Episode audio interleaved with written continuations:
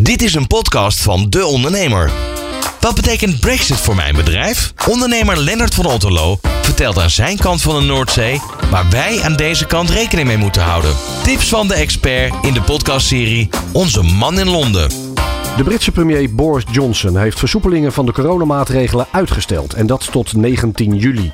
Er zijn veel zorgen over het stijgende aantal besmettingen met de Delta-variant van het coronavirus. En die is veel besmettelijker dan de dominante Alpha-variant, zeg maar de Britse. Nederland heeft het Verenigd Koninkrijk al aangewezen als zeer hoog risicogebied. En over de effecten daarvan op de economie en ook die op het Nederlandse bedrijfsleven bellen we met onze man in Londen, ondernemer Lennart van Otterlo. Onze Man in Londen met Lennart van Otterlo. Lennart, we weten, je woont en werkt in Londen. Kun je ons eens meenemen in de situatie bij jou daar op dit moment? Nou ja, hier in, in Londen specifiek uh, valt het nu wel mee eigenlijk. Uh, het, de, de, de, grote problemen met, uh, met de nieuwe golf zijn eigenlijk vooral in een aantal grote steden in het noorden.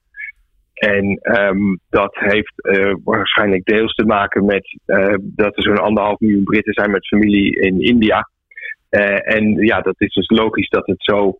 Als er een land in Europa was geweest wat het eerste de variant met India krijgt, dan is dat natuurlijk wel het Verenigd Koninkrijk. Ja. En dat zie je dus binnen het Verenigd Koninkrijk, dat dat vooral de steden zijn waar veel mensen met India's familie zitten.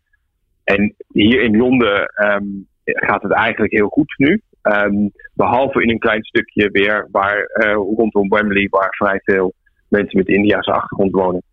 Dus uh, het, het, dat maakt het dus ook heel ingewikkeld. Want uh, Johnson, ze hebben eigenlijk min of meer een soort, soort nieuwe lockdown aangekondigd, maar dat willen ze niet zo noemen. Dus ze hebben eigenlijk alleen gezegd: ga niet naar deze en deze steden.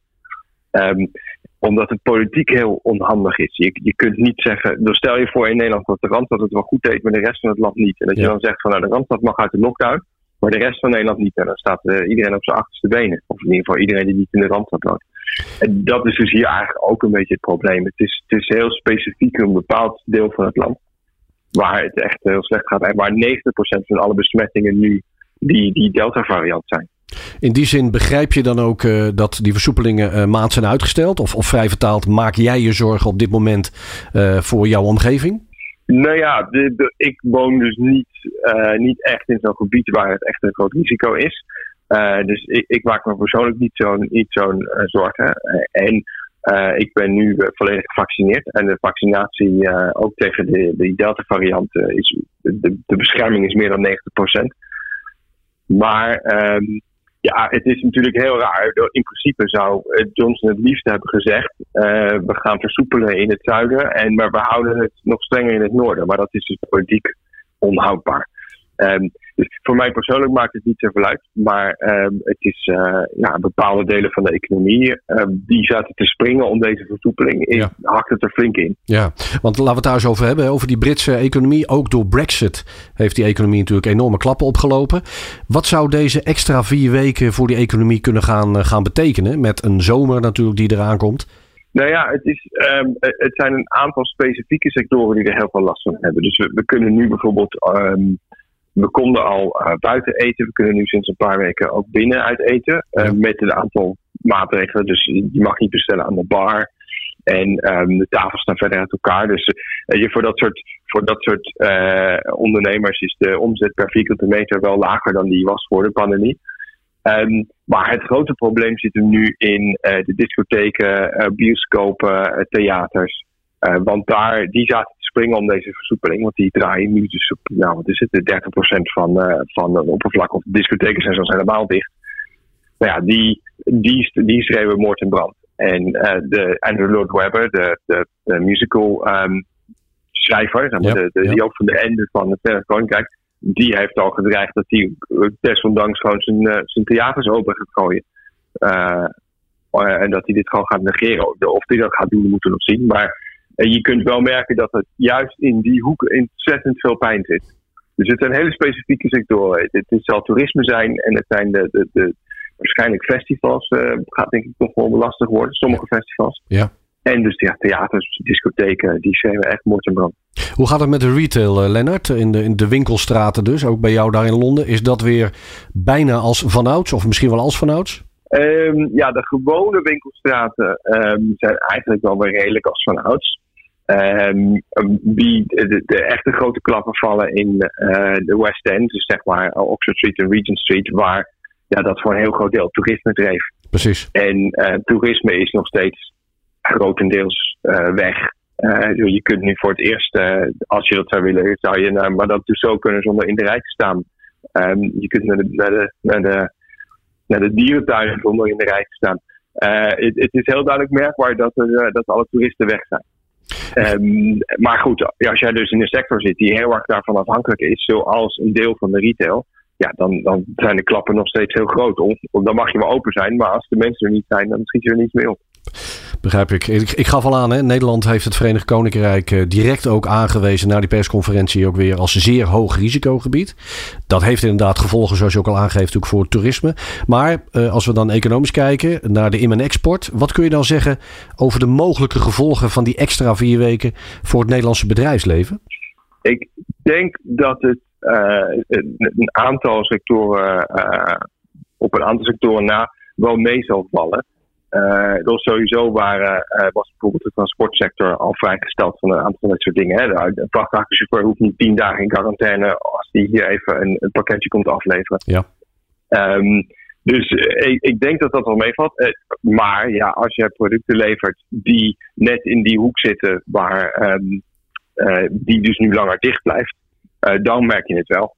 Uh, dus ja, als jij uh, bij wijze van spreken levert aan discotheken of aan uh, aan theaters, uh, bioscopen, um, festivals, uh, kan ik me voorstellen dat je dat nog, nog wel merkt. Maar ik denk dat het eerlijk gezegd beperkt zal zijn tot hele specifieke producten. Ander effect, en dat is natuurlijk ook vooral een Brexit-effect, is natuurlijk dat ook steeds minder Nederlandse studenten de Noordzee overgaan om bij jou daar in Engeland te gaan werken.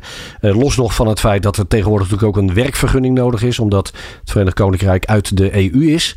Um, desalniettemin de jacht op horecapersoneel, die in Nederland natuurlijk minstens zo groot is, want ook hier hebben we dat probleem. Ja, dat maakt het nu natuurlijk ook niet makkelijker, gelet op het nieuwe virus wat eraan komt. Hoe zie jij die strijd om, die horeca, om het horecapersoneel? Ja, dat is, het is echt een drama hier zo. Je kunt, uh, er staan overal van die borden met, uh, met personeel gezocht. Veel meer dan, uh, dan ooit waren. en ja, sinds, door de, het, het werd al sinds het referendum, na het referendum zag je al dat er minder mensen hier naartoe kwamen. En, en wat je best wel veel had hier waren mensen die een master in, in Engeland komen doen en daarnaast een jaartje in de bediening werken. Ja, ja dat, die, die hele bron van personeel is opgedroogd veel mensen, um, er werkten veel uh, mensen front of house in de bediening uit Zuid-Europa uh, uh, voor een jaartje terwijl ze studeerden. Nou, die zijn grotendeels weg. Heel veel keukenpersoneel kwam uit Centraal- en Oost-Europa. Die zijn grotendeels weg, want je, kunt nu, je verdient nu meer in Duitsland dan, dan in Nederland. En dan zit je ook nog eens dichter bij huis. Ja. Um, dus daar, daar was voor de, voor de pandemie was dat eigenlijk begon het al een probleem te worden. En nu is het veel groter. En ja, zoals je al zegt, je krijgt geen verblijfsvergunning om in de horeca te werken. Dus uh, daar zijn echt, uh, daar zijn echt forse problemen. Ik, ik, stond van de, van de week in de rij om een broodje te kopen. En er stond een, een jongen naast mij, die had een restaurant. En die probeerde het personeel van de broodjeszaak uh, over te kopen om bij hem in de keuken te komen werken. Kijk. omdat ja, ja. Het, de, de, de nood zo hoog is. Ja, ja. Um, en dat zie je nu ook een beetje met uh, in bijvoorbeeld de fruitteelt. Die schreven moord en brand. Want het is nu de tijd om, om te plukken voor een aantal vruchten. En dat is, ja, vooral zachte vruchten, dat is gewoon handwerk. Dat, dat, is nog niet zo makkelijk te automatiseren. En ja, de mensen die dat voorheen plukten, die zijn, die zijn gewoon dit jaar niet naar de UK gekomen. En uh, dan liggen dus letterlijk uh, aardbeien te rotten in het veld. Ja. Uh, en dat is wel, dat, zeker, uh, zeker daar, dat ga je uiteindelijk wel merken. Ik denk als je aan het einde van het jaar um, kijkt wat, uh, wat de, de, de, de agrarische sector, die, het deel wat leunt op, op, op ja, handenwerk, mensenwerk, um, dat die echt een flinke klap hebben gekregen vergeleken met zeg, twee jaar geleden. Dat zou je echt gaan terugzien in de cijfers. Tot slot, uh, Lennart, als we kijken naar de Brexit-effecten en nu ook weer die vier weken uitstel uh, van de versoepelingen. Wat doet dit met de positie van Boris Johnson?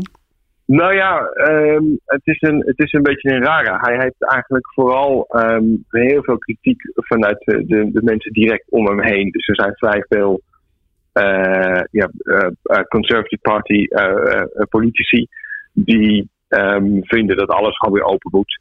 Ehm, en eh, die ook niet gediend zijn van uh, die, die, die, lockdowns via de achterdeur, zoals ze dat nu een beetje in het noorden hebben gedaan. Um, dus uh, intern ligt hij ligt niet heel goed, maar hij is nog steeds onder een deel van de bevolking wel redelijk populair. En um, ik denk niet dat het zijn positie aan het wankelen brengt. Dat niet. Want het blijkt ook uit allerlei onderzoeken dat juist het Britse publiek ook uitstellen wederom support, hè? Ja, en daar zal hij ook naar gekeken hebben. Door, dus Je kunt hem veel verwijten, maar niet uh, dat hij in de gaten houdt hoe de, wat de opiniepeilingen zeggen. precies. Um, dus uh, ja, de, uh, de, er is redelijk wat support voor. En ik, ik, denk dat dat ook een beetje, en dat wordt nog een van de, van de grote klussen hierna, is uh, je kunt wel alle horeca opengooien. Maar je moet ook die mensen overtuigen dat het veilig is. Je moet ook mensen overtuigen, of, ja, overhalen te zeggen van nou, kom weer naar buiten. En je, er zitten dus mensen die, er zijn best wel wat mensen die toch nog steeds huiverig zijn. En dat is, ook, dat is een hele klus nog, denk ik, om, om ja, ook de vraag weer te stimuleren, niet alleen het aanbod. Helder. Dankjewel. Aan de telefoon vanuit Londen, onze man in Londen, Brexit-expert en ondernemer Lennart van Otterlo. Onze man in Londen is een podcastserie van De Ondernemer. Voor nog meer podcasts ga je naar deondernemer.nl.